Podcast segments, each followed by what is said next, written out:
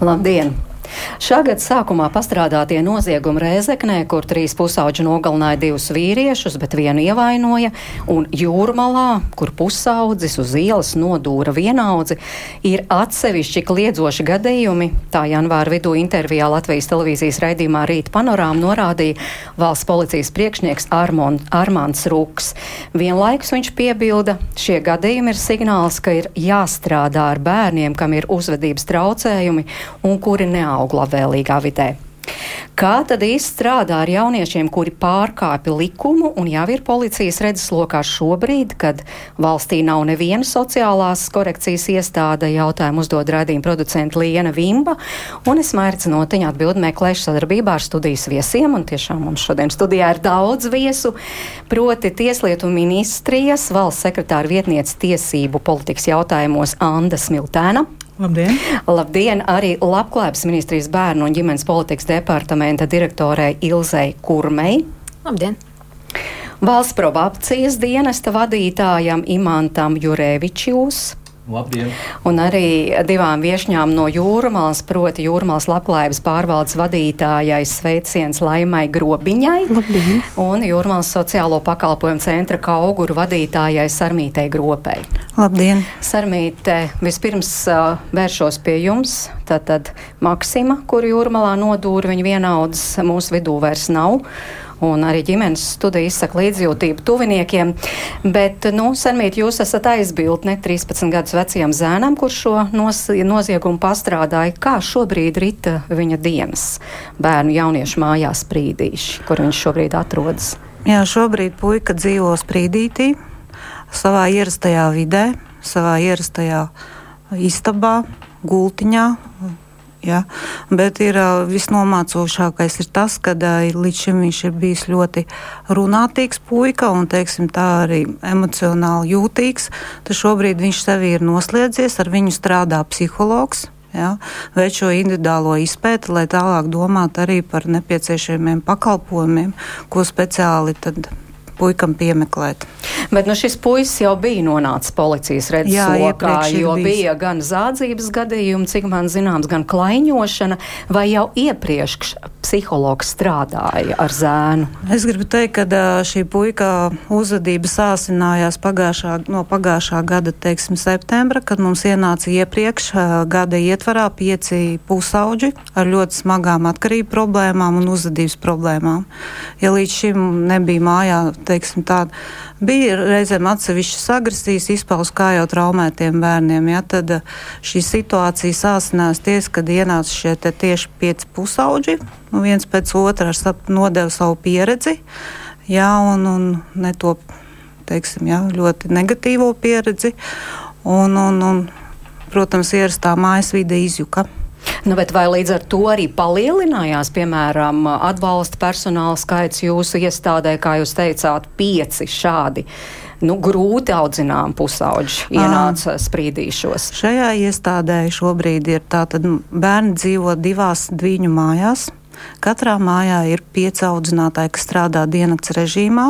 Ir pa darba dienām sociālai darbinieki, kas vada visu mājas dzīvi un arī bērnu pārstāvību, kā arī aprūpētāji. Nu, es viņus saucu par auklītēm. Tiek pie, Izvērtējot katra bērna individuālās vajadzības un resursus, tiek pieaicināti caur labklājības pārvaldi psihologa konsultācijas. Ja?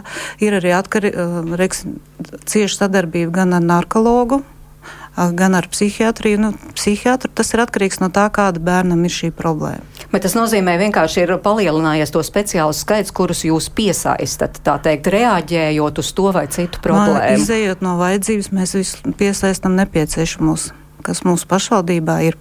Un tiešām visiem nepieciešamajiem līdzekļu pietiek?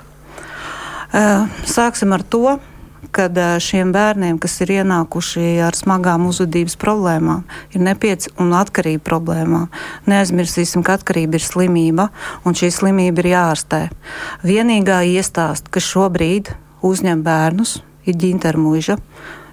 Reāli. Tur, lai bērns nonāktu līdz ārstēšanai, ir jāiziet motivācijas programma.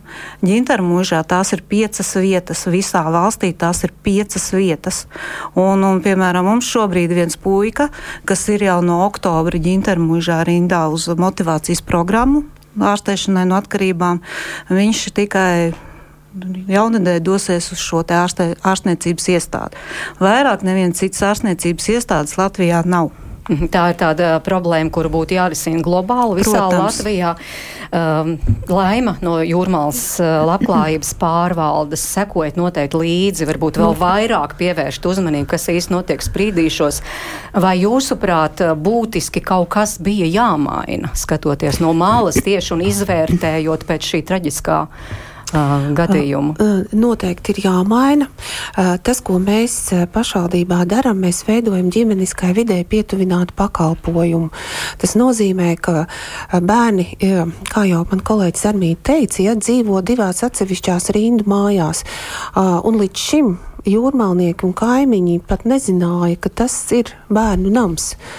Un tāds arī ir mūsu mērķis vienmēr bijis, ja, ka mēs veidojam uh, ģimeni, normālu ģimeni, ģimeniskai vidē pietuvinātu, ja, un faktiski uh, nodrošinam speciālistu, vienu piesaisti speciālistu, ja katrā mājā sociālais darbinieks, ja, kuri ir ar maģistra grādiem, izglītot speciālisti, tālāk piesaistīti sociāli audzinātāji.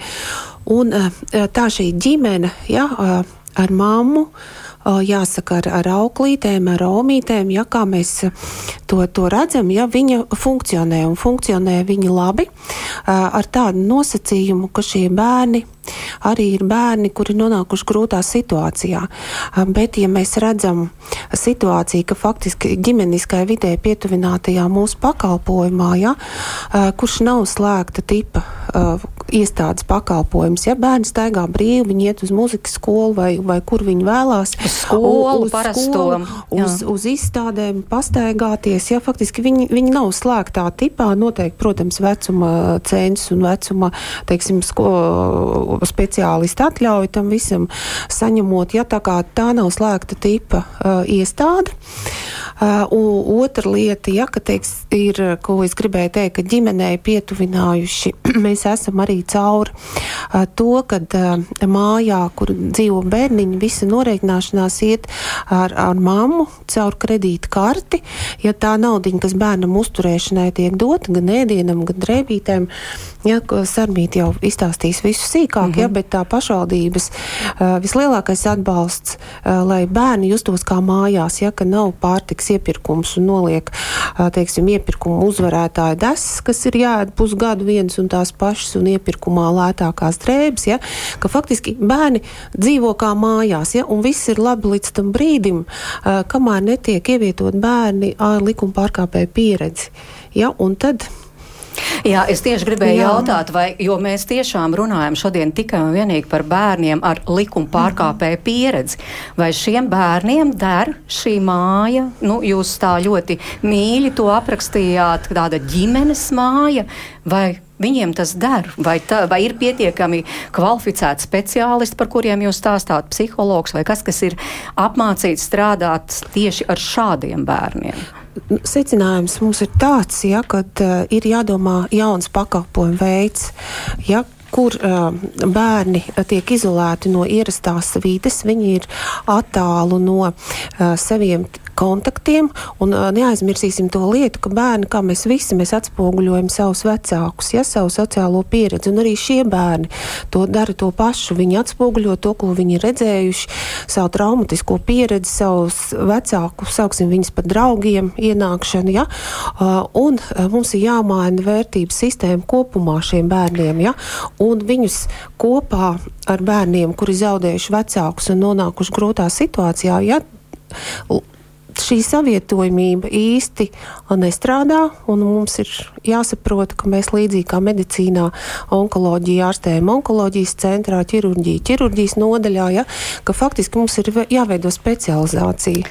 Jā, tas, par ko jūs stāstāt, es gribu pailustrēt vēl ar dažiem piemēriem. Nu, tiešām ik pa laikam par tiem tiek stāstīts un arī aprakstīts, kas un kā ir noticis. Nu, piemēram, pagājušā gada 20.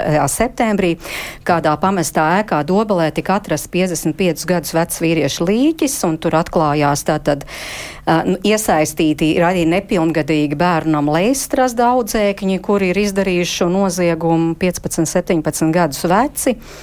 Un tad, piemēram, portāls Delfi, tad es mēģināju tur aizbraukt un skaidrot tuvāk to situāciju, un, un tad arī tie secinājumi, kas tad ir bijušie slepkavības palaidē mehānismi. Nu, proti, tātad, Pirmais no tiem bērnam tolaik nebija direktora, un puisis sajūtās brīvi. Otrais puisis nāk no augšāniem. Latvijā vienīgās sociālās korekcijas iestādes, kur likvidēja uh, 2022. gadā, un tad arī abi sāka dzīvot bērnu namā Leistrazdi.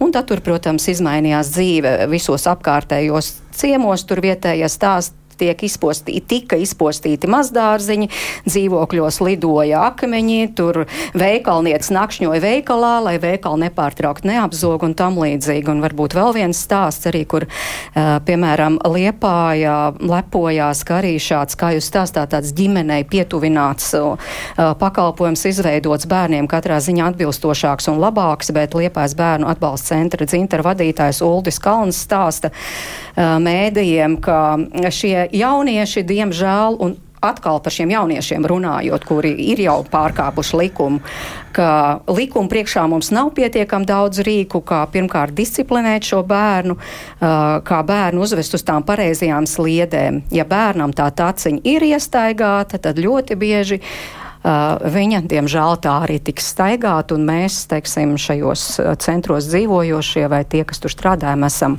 bezspēcīgi. Es tagad skatos uz uh, Ilzi no Labklājības ministrijas. Vai tā ir tāda vispārēja problēma, vai tomēr tāda atsevišķi gadījumi, par kuriem šobrīd stāstam ģimenes studijā?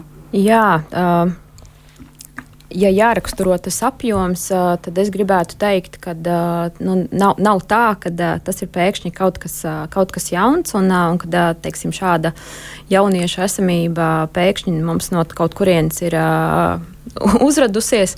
Bet uh, no otras puses, uh, protams, tas nav, tas nav arī vispārināms, uh, nav vispārināms uh, jautājums, jo šo bērnu skaits nav neierobežots.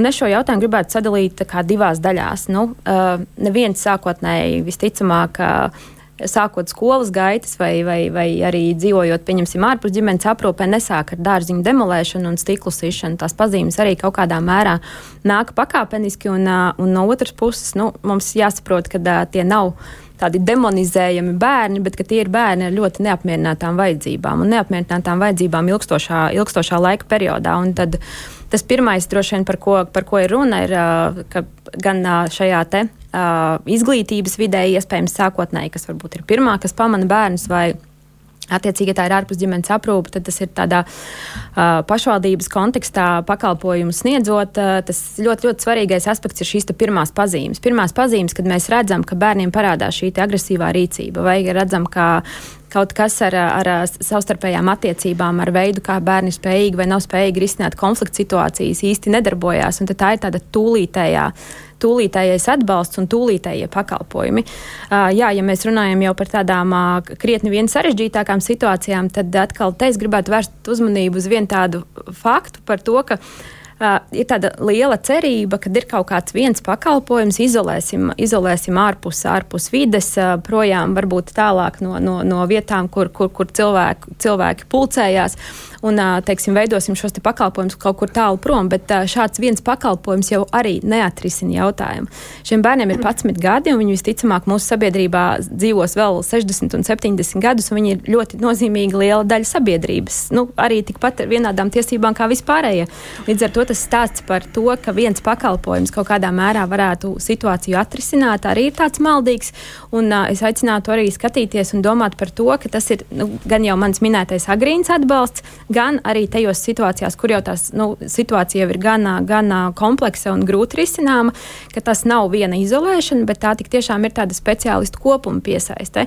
Gan terapeitiskā atbalsta, kas, pieņemsim, mazina šīs traumu ietekmes, jo, nu, būsim reāli, visiem šiem bērniem ir iepriekšēji traumatiska pieredze, kam, kam viņa ir traģiskākā, jo mēs arī īsti nerunājam. Mēs runājam par to, ko šie bērni izdara, bet mēs nerunājam par to, ko viņi ir iepriekš piedzīvojuši. Ja šos abus stāstus arī kaut kādā veidā sakombinē kopā, arī tad tās bildes jau kļūst dažādāks un mm, savādāks. Mēs gana daudz šeit ģimenes studijā un vispār arī dodu pieci akcijā esam akcentējuši un mm. tiešām stāstījuši neskaitāms un neskaitāms dzīves stāsts, un es domāju, tagad visiem skaidrs ir, ko šie bērni piedzīvo un kāpēc viņi tā rīkojas. Bet tiešām šodien stāsts ir par bērniem, nu, kur nav viņi pamanīti skolā, kā jūs sakāt. Nu, viņi ir izkrituši cauri tam sietam un kaut kas ar viņiem ir jādara. Izolēt šobrīd nevar. Tāpēc eh, ģimenes studija grib saprast, kādi ir tie mehānismi, kā viņiem var palīdzēt. Un te atkal es, piemēram, Romija Krēziņa no Pusauģa resursu centra sociālajā tīklā X komentē, būtu jārunā nevis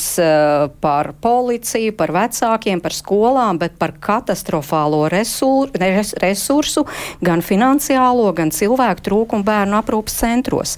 Tiem nav resocializācijas un terapeitiskās funkcijas. Labākajā gadījumā pieskata un iemāca gatavot ēst. Jā, uz šo atbildot, tātad aprūpas iestādēm Šie resursi šī nav bijusi pirmā prioritāte, un gan pašvaldību līmenī, jo pārs, tātad, tā, vispārējā sistēma dalās tātad, divās daļās. Tātad bērni līdz divu gadu vecumam ir tātad, valsts sociālās aprūpes centru. Uh, atbildībā un, attiecīgi, nākot jau klāt ārpus ģimenes aprūpes centriem un mainoties šīm formām uz auģu ģimenēm. No 2018. gada tātad pārsvarā bērni atrodas auģu ģimenēs, īpaši, īpaši mazie bērni.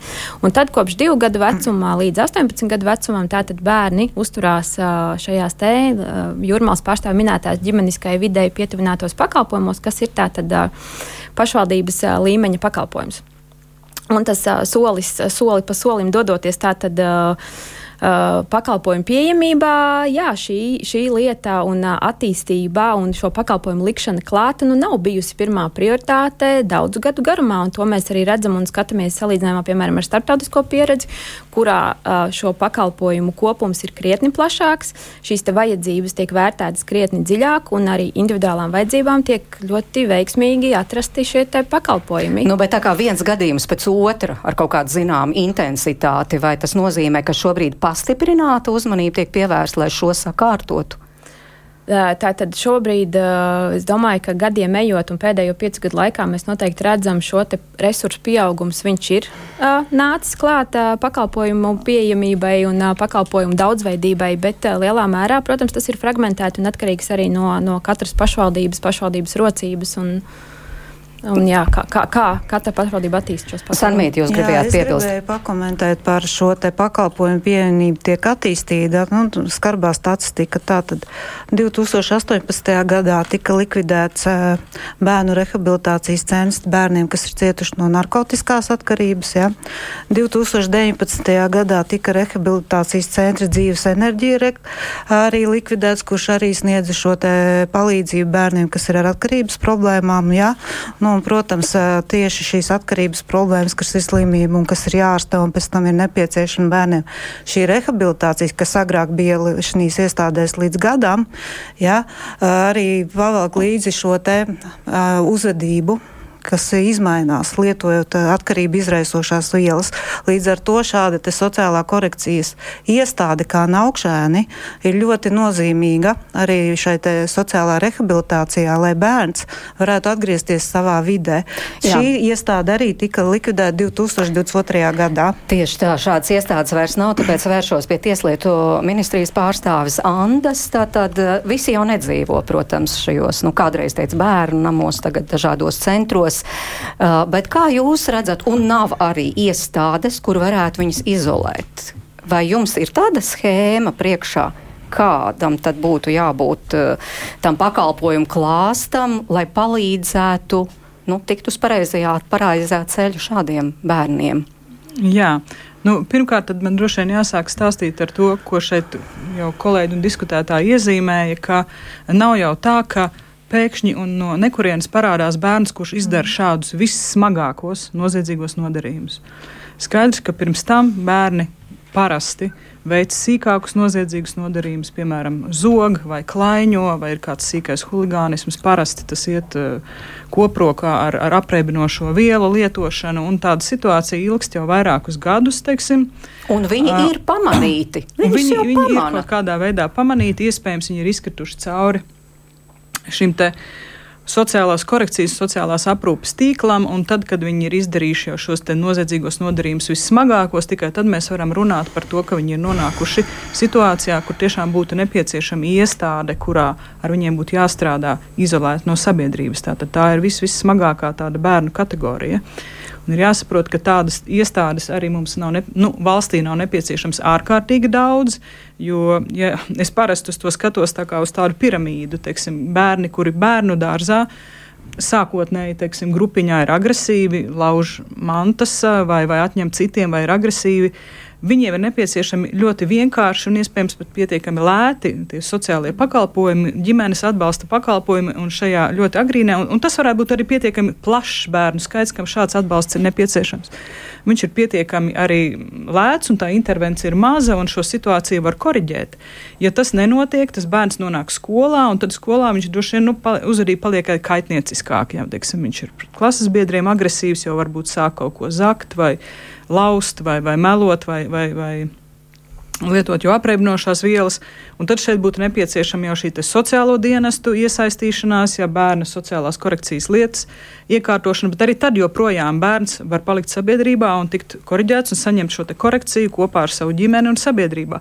Un tikai šie vis, vissmagākie gadījumi, tādi kā teiksim, bija naukšēna skola, kur varbūt nebija līdz galam pārdomāts pakalpojums, kā šī te terapeitiskā māja, ko plāno Tieslietu ministrija nākotnē veidot, tie būtu tie gadījumi, kur būtu jāstrādā ar bērniem jau ārpus, jau no, nodalot viņus no sabiedrības. Mm -hmm. Tā, ka, uh, jo vairāk mēs izķersim un pievērsīsim bērniem uzmanību agrīnākā stadijā, jo mazāk mums bērni nonāks līdz tādām ļoti smagām un ielaistām lietām, kur pat tiešām ir ļoti dārgi jau tālāk šie pakalpojumi, jo augstāk pa to piramīdu mēs ejam, jo dārgāki ir tie pakalpojumi, kas katram vienam bērnam, teiksim, izteik, nu, teiksim, cenas izteiksmē, cik tas mēnesī maksā, tas pakalpojums paliek aizvien dārgāk. Tādēļ Mēs... liela uzmanība ir jāvelta arī tieši tai ļoti primārai, tai sākotnējai prevencijai.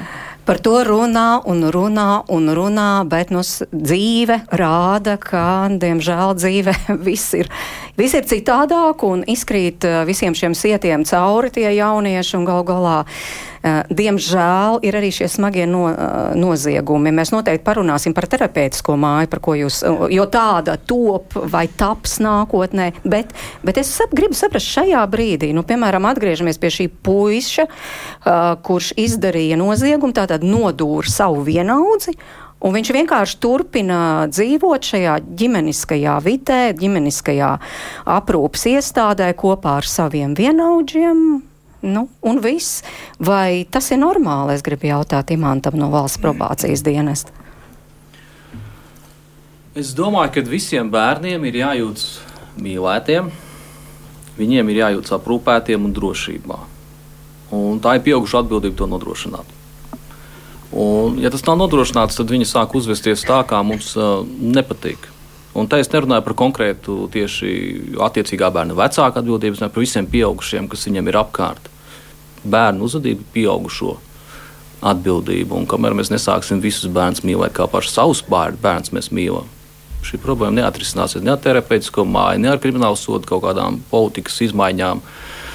Bērniem ir nepieciešams pieaugušo atbalsts. Un, un, un šajos gadījumos, kad mēs runājam par šiem bērniem, kas nonāk krimināla soda izpildē, pie mums probācijā, kas nonāk, jā, tas, ko mēs redzam, ka visos gadījumos uh, tiešām nu, jau, jau sen, sen atpakaļ vajadzēja pieaugušiem uziet savādāk uz vietām, paskatīties, varbūt izdarīt kaut ko vairāk, uh, savādāk. Uz, nu, nezinu, tas, tas, tas vienmēr ir saistīts ar pieaugušajiem viņu uzvedību. Un mēs tagad, uh, kad viņi sāk uzvesties slikti, kad neesam izpildījuši savus pienākumus, gribam viņus sūtīt uz mežu, sūtīt uz, uz, uz ārstniecības iestādēm, uz, uz, uz ģintermužu vai augšēniem, kas agrāk bija terapeitisko māju.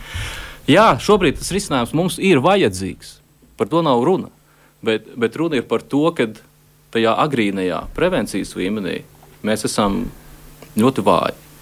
Un, un tās lietas mums noteikti ir nākotnē jāstiprina. Nu, vai šis puisis, viņam krimināla atbildība neiestājas 13 gadu vecumā, eh, nodūris savu vienaudzi, vai viņš nonāk arī probācijas dienesta eh, redzes lokā. Jūs ar viņu strādājat, jo es, jums tomēr ir īpaši apmācīti speciālisti, un tie nav mums ir tie īpaši apmācīti speciālisti. strādā skolā. Mums ir īpaši apmācīti speciālisti, ir diezgan liela pieredze arī par šiem 20 gadiem uzkrāt strādāt, tā skaitā ar bērniem, kur ir daudzi simti probācijas klientu lokā.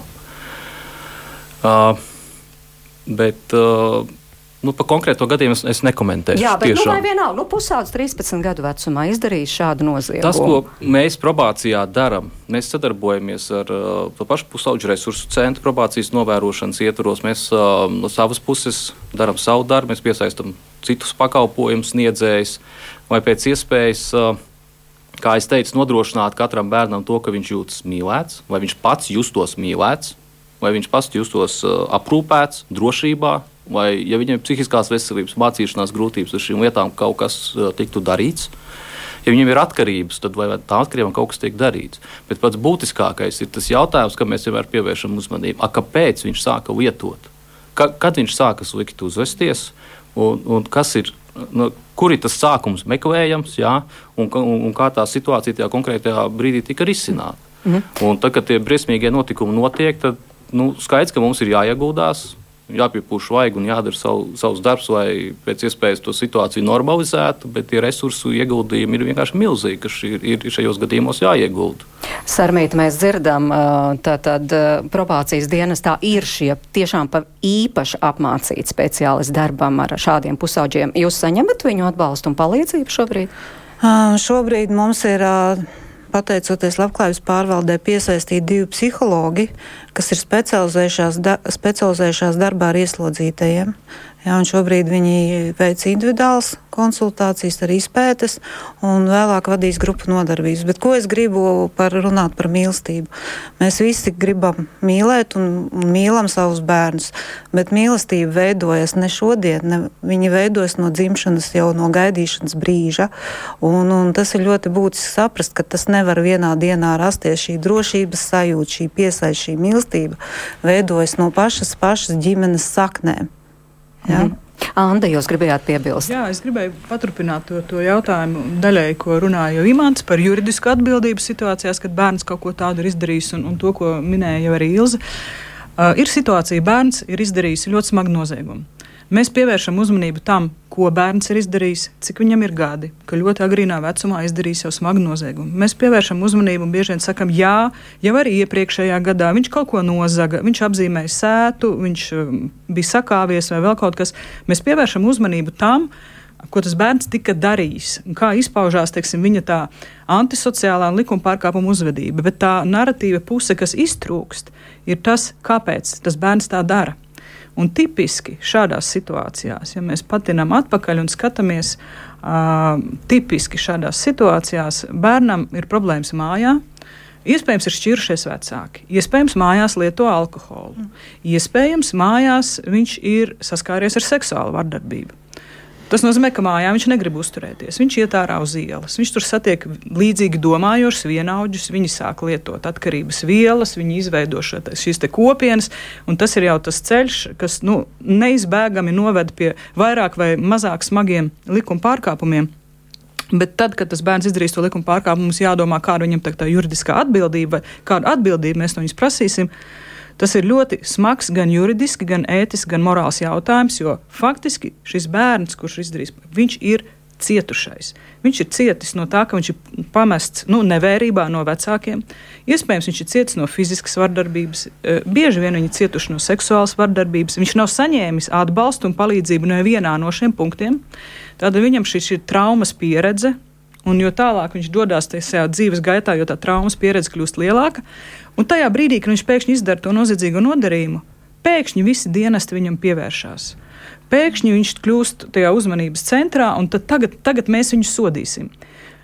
Skaidrs, ka par izdarītiem tādiem smagiem likuma pārkāpumiem nu, ir jāsaņem kaut kāds, nu, sākot no 14 gadu vecuma, tur būtu arī juridiskā atbildība, šajā gadījumā audzinoša rakstura piespiedu līdzekļi, bet tas ir ļoti ļoti gan juridiski, gan ētiski morāli smags punkts, jo mums ir jāvērš kaut kāda represīva rīcība pret personu, kura patiesībā pati visu savu dzīvi ir cietusi no kādiem citiem šādiem nodarījumiem. Nu, bet ar... šo, jā, šo gadījumu gaismā tomēr skan balsis, ka vajag, piemēram, uh, pazemināt, tas būtu, ja to slieksni, no kura iestājas krimināla atbildība, tātad agrāk to piemērot, piemēram. Ko jūs par to sakāt?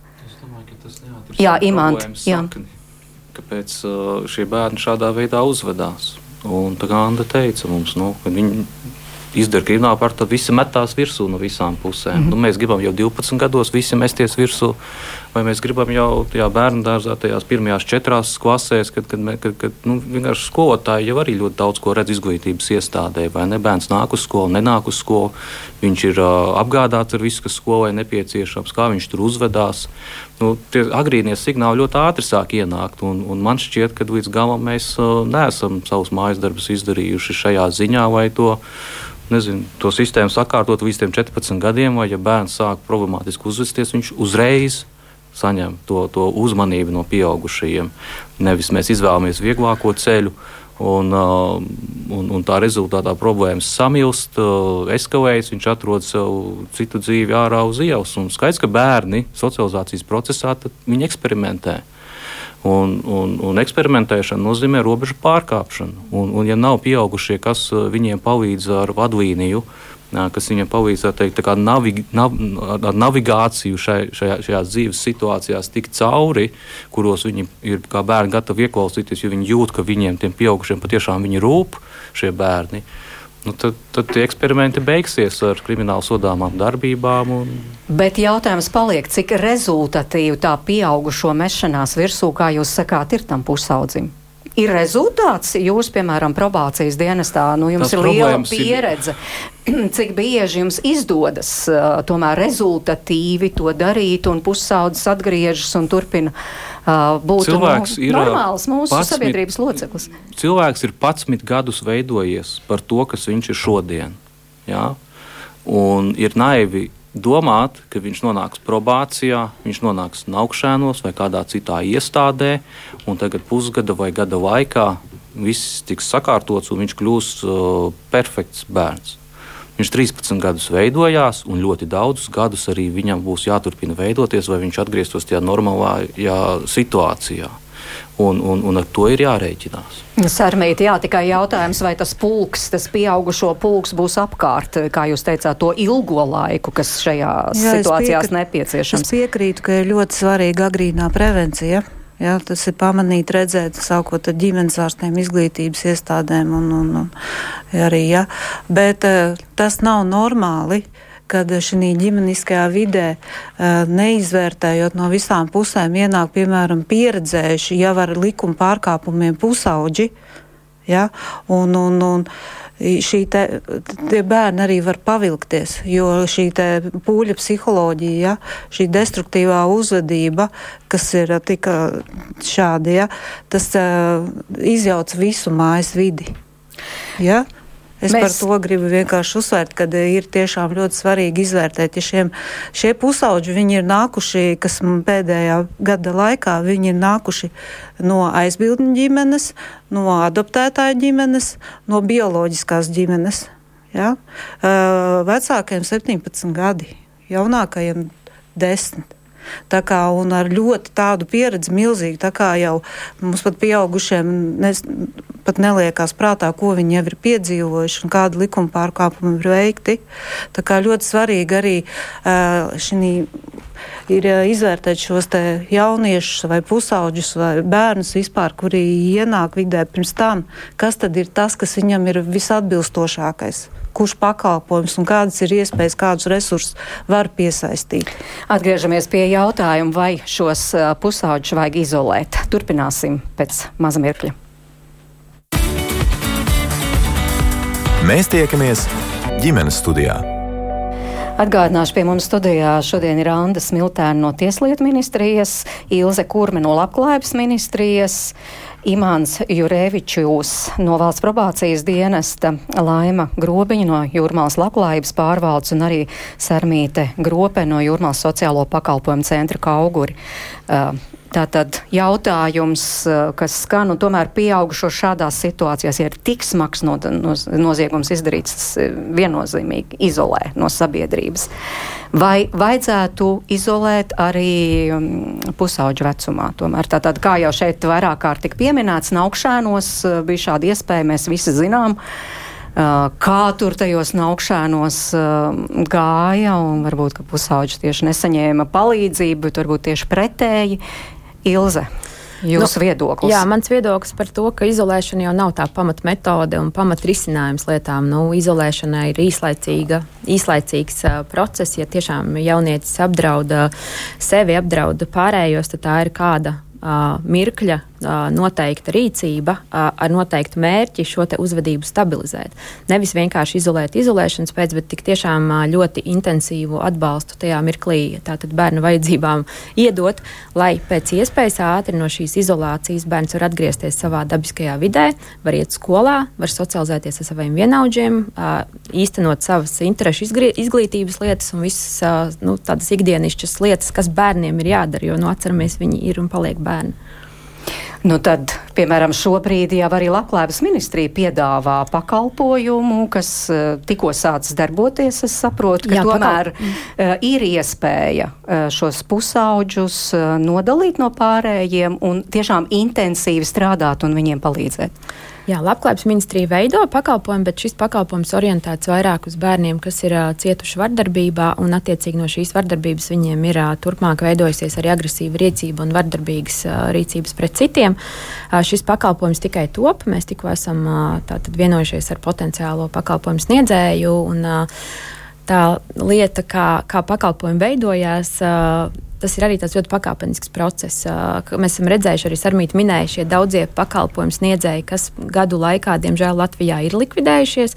Un, nu, mūsu, mūsu vērtējums šim, šai procesam ir tāds, ka bieži vien tas notiek tam dēļ, ka nav bijis šo piemēroto metožu, atbilstoša darbinieku skaita un nu, tie tieš, tiešām pietiekamu un pieejamu resursu tam, lai šo pakalpojumu veiksmīgi varētu nodrošināt. Tādēļ mēs, lai tā jau laicīgi, laicīgi šo pakalpojumu veidotu pēc iespējas piemērotāk un veiksmīgāk, tiešām arī dodam iespēju pakalpojumu sniedzējiem arī tātad, ieguldīt šajā darbinieku apmācībā, pieredzes iegūšanā, papildus pieredzes iegūšanā, un šis mūsu pakalpojums sāk strādāt no šī gada vidus. Bet pastāstiet par to pakalpojumu. Kāds pakalpojums būs? būs tātad šis būs arī sociālās rehabilitācijas pakalpojums, kur tātad tiek piesaistīta arī komanda. Tas nav, tas nav tikai viens, viens audzinātājs, varbūt ar daļslodzē ar sociālo darbinieku, bet tā jau ir tāda tiešām uh, plašāka komanda, kura, kura strādā uz šīs te vardarbīgās uh, uzvedības mazināšanu un uz šīs te iepriekšējās traumatiskās pieredzes seku mazināšanu. Klātam visam nāk arī tātad uh, šie te bērna interesēm atbilstošas aktivitātes aktivitātes, kas ir arī tātad socializēšanās, iespējams sākotnēji. Uh, vairāk centra ietvarā, un kas, viņš arī būs tāds daļēji slēgts pakalpojums, bet arvien uh, ejot uz priekšu un teiksim, šīs te uzvedības maiņas rezultātā, tā, protams, ir arī izglītības procesa turpināšana un, un attiecīgi kādu terapiju, mākslas terapiju vai arī nezinu, tās pašas kanis terapijas, suņu terapijas vai zirgu terapijas piesaisti, kas ir arī tādas bērnam, bērnam palīdzošas lietas. Uh, bet tur maz bērnu, un tomēr tur, tā ir izolēta vide. Tur ir maz bērnu, jā, tā tad sākotnēji, un tā ir arī tāda viena mūsu lielā, lielā pakalpojuma, varbūt veidošanas problēma, ka tie pakalpojumi veidojas lēni. Viņi ir arī apjomīgi, protams, arī resursietilpīgi. Uh, jā, un šis mūsu, mūsu projekts paredz tātad nākamā, šī gada laikā tātad pirmo, pirmo līdz astoņu bērnu ievietošanu. Un skaidrs ir arī tas, ka tātad šādi pakalpojumi nedrīkst būt arī tāda liela, liela skaita bērnu pakalpojumi, tas tomēr ir diezgan individualizēts darbs, un līdz ar to arī tai videi ir jābūt tādai, kas ir individuālām vajadzībām piemērota. Nu, kā izskanēja, jā, te, mums, pirms mēs uh, mikrofonu bija ieslēgta, tas tiešām ir kaut kur mežā, kaut kur uh, jā, es gribēju teikt, tālu no sabiedrības. Jā, sasaucās ar to, ko es minēju, ka faktiski mums ir jādomā par pakalpojumu diferenciāciju. Un, teiksim, nodalot un dabā mežā, tas ir domāts vislabākā nozīmē. Ja, ka faktiski mēs šo šos bērnus diferencējam un sniedzam viņiem iespēju. Jo, ko mēs redzam pašreiz, ja viņi uh, turpina. Uh, būt šajā komunikācijā un nemainās vērtības sistēma, ja jau psihologs uh, strādā un strādā un vērtības sistēma nemainās, ja mums vajadzētu uh, stiprākus instrumentus mainīt šo vērtību sistēmu un nelikt to akcentu uz tādu izolāciju, ja, bet vairāk uz darbu. Un es ļoti priecājos dzirdēt par šo pakalpojumu, ja, ka tas ir astoņas vietas. Tā ir ļoti individuāla pieeja, ļoti individuālai grupai, ja, un tas noteikti būs ļoti auglīgi.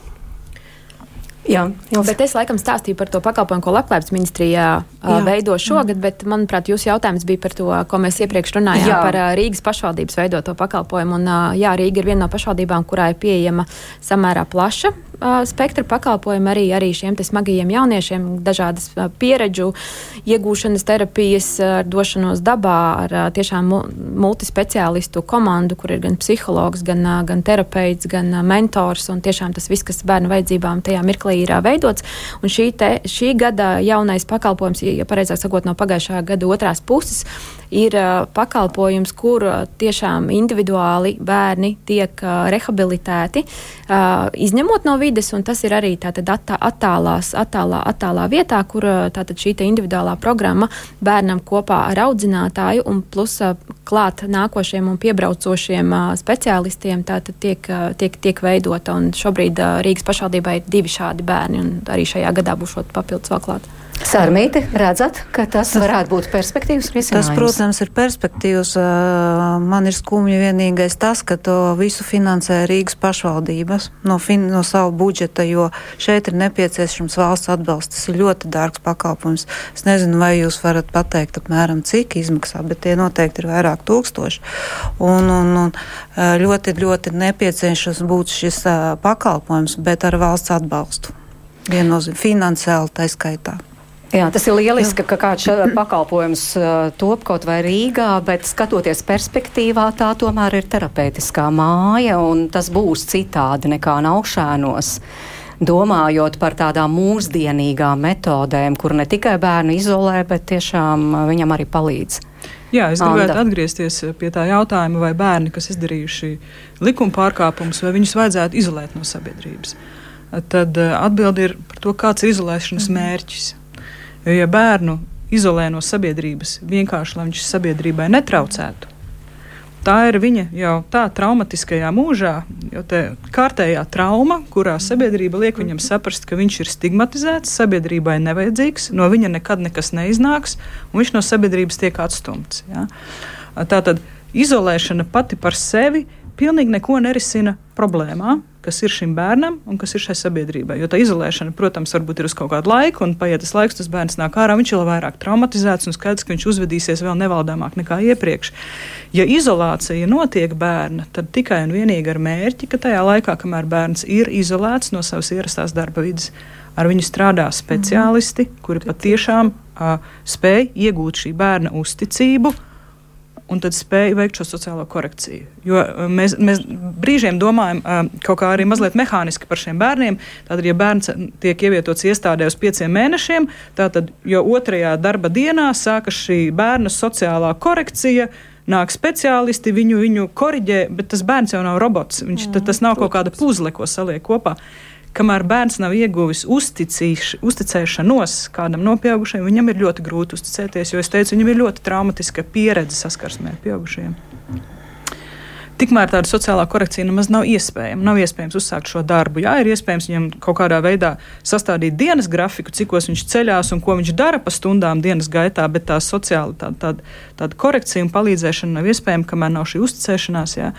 Un tādēļ tā, tā ir jāņem vērā, ka tā izolēšanas laiks var būt pietiekami ilgs un ka kaut kāds tāds produktīvs darbs un tas mērķis var tikt sasniegts tikai tad, ja ir sanā, panākta šī uzticēšanās, kas ir viens no grūtākajiem momentiem. Un katram bērnam ir ļoti individuāls termiņš, individuāls laiks, kurā viņš tiešām var sākt uzticēties kādam no tiem saviem audzinātājiem vai tiem sociālajiem darbiniekiem, kas tajā iestādē nāk ar viņu strādāt. Ja?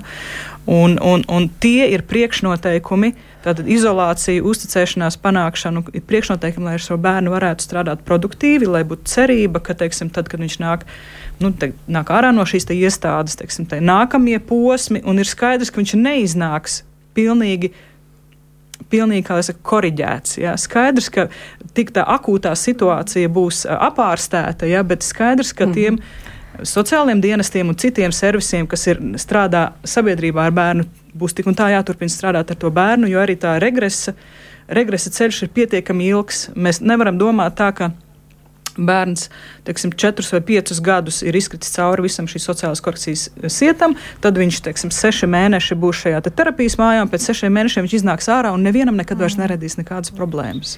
Nu, tomēr ir jau uzzīmēta šīs terapeitiskās mājas aprises, kāda tā būs, un faktiski lēnām arī tiek strādāts, lai tāda būtu Latvijā. Varbūt ieskicējiet, cik tālu šis darbs jau ir izdarīts šajā brīdī. Jā.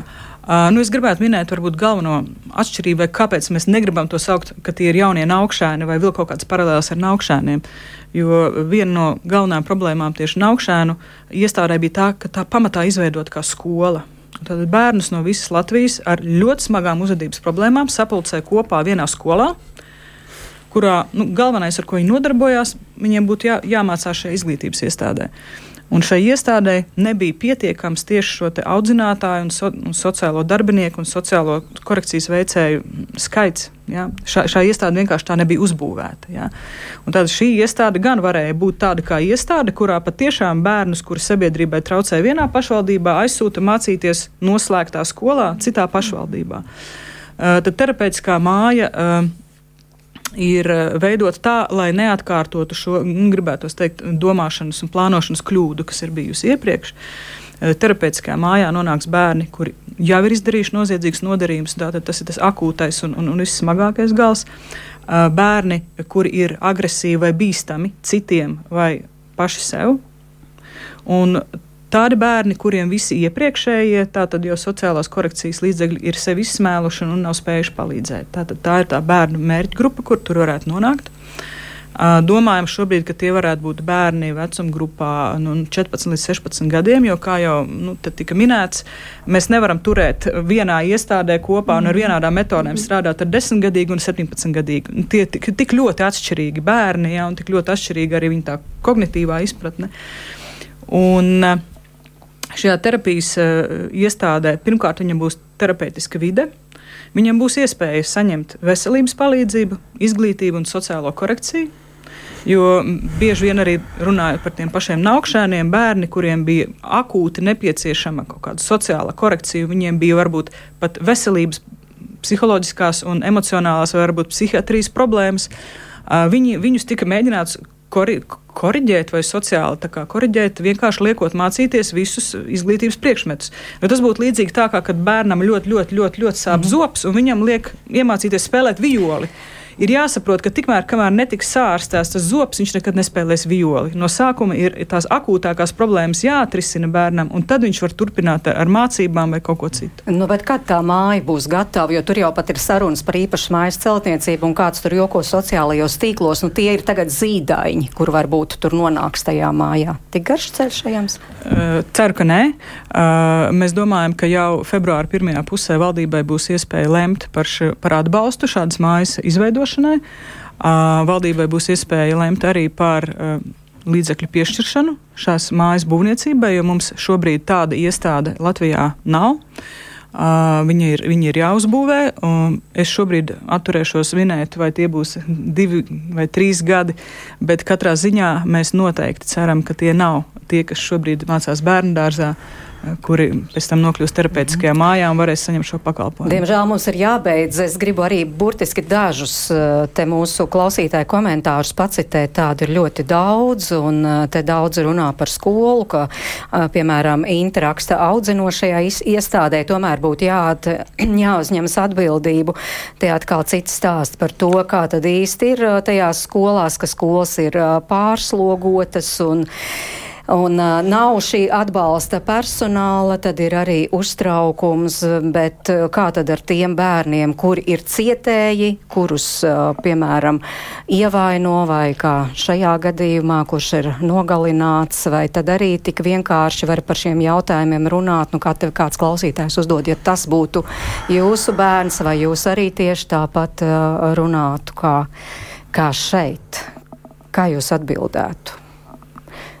Es, jā, sarmīta tiešām katram dalībniekam vēl pa dažiem teikumiem, un mēs beidzam sarunu. Laiks mums ir pagājis. Man joprojām ir par šo situāciju ļoti liels sāpes un šoks, un es izsaku līdzjūtību. Ja, bet viennozīmīgi nu, mums ir jādara viss iespējamais. Jā, mājas uzdevumi jāizpilda, lai nedod Dievs. Lai man pat trūkst vārdu, godīgi sakot. Laima. Jā, tas ir ļoti smaga situācija mums, un es domāju, ka vislielākais aspekts ir tas, kā jūtas citi bērni šajā ģimenē. Sauc, ja? Nevis institūcijā, tā ir ģimene. Kā, kā viņi jūtas, ja? un, un par to mums ir jādomā, un mums ir ļoti daudz darba priekšā. Imants. Svešu bērnu nav. Nu, mums ir jāiemācās mīlēt visus bērnus kā savējos. Anda. Viennozīmīgi arī cietušajiem ir nepieciešams atbalsts un palīdzība, jo arī cietušajiem tā ir trauma, ko viņi ir pārdzīvojuši, un uh, viņiem ir nepieciešams atbalsts, lai tiktu pāri šai traumai. Un Ilze? Un, uh, es laikam par to, ka mums uh, tie resursi ir bijuši tik, cik viņi ir, bet tas ir acīm redzami, ka gan tajā valsts pusē, gan pašvaldību pusē pakalpojumos bērniem, ģimenēm un jauniešiem ir vajadzīgs daudz lielāks ieguldījums un daudz nopietnāka pieeja tieši tajā agrīnajā procesā. Paldies sarunas dalībniekiem, kur bija šeit ģimenes studijā Andai Smiltēnai, Ilzei Kurmei, Laimai Grobiņai, Sarmītei Gropei un Imantam Jurēvičūs. Paldies jums, ka klausījāties, aktīvi iesaistījāties un atvainojos tiešām nevarējām atbildēt uz visiem jūsu komentāriem un jautājumiem, bet noteikti tos izlasīsim. Raidījuma producente Liena Vimba. Un pie skaņu pults Ernests Valds Fjodorovs un uh, Toms Šits, es mērķis notiņa, bija pie mikrofona. Un rīt uh, šeit studijā būs man kolēģe Agnes Linka. Viņa cienoja, ciemojās pie auzerēju auzeru ģimenes, uh, kur audzina trīs bērnus un visi mācās mājmācībā. Un tur gandrīz vai tāda maza skola ir izveidota mājās. Kā tas īsti notiek par to? Klausieties rīt, kā vienmēr 5 minūtes pār diviem. Visu labu un lai jums laba diena!